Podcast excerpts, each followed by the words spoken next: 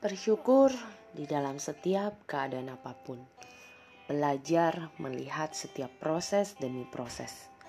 Hari ini kalau kita bisa melihat sebuah kesuksesan, baik kesuksesan diri kita ataupun orang lain, bahwa itu bukan hanya diterima dengan instan.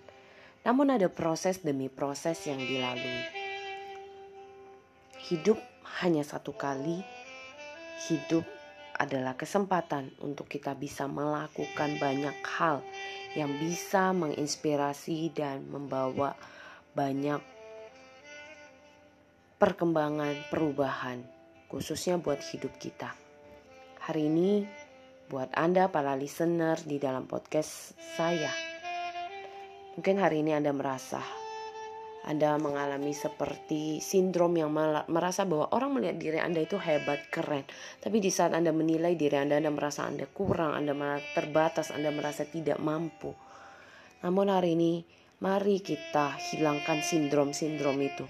Belajar untuk melihat bahwa di dalam setiap kehidupan kemampuan kita, kita bisa mengasah menjadi lebih baik.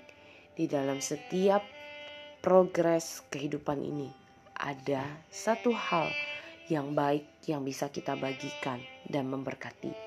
Mari teman-teman, para listener di mana pun kita berada, pakailah hidup yang ada ini dengan bijak dan lakukan hal-hal positif yang bisa menginspirasi di dalam setiap kemampuan, skill, bakat yang Tuhan titipkan bagi hidup kita.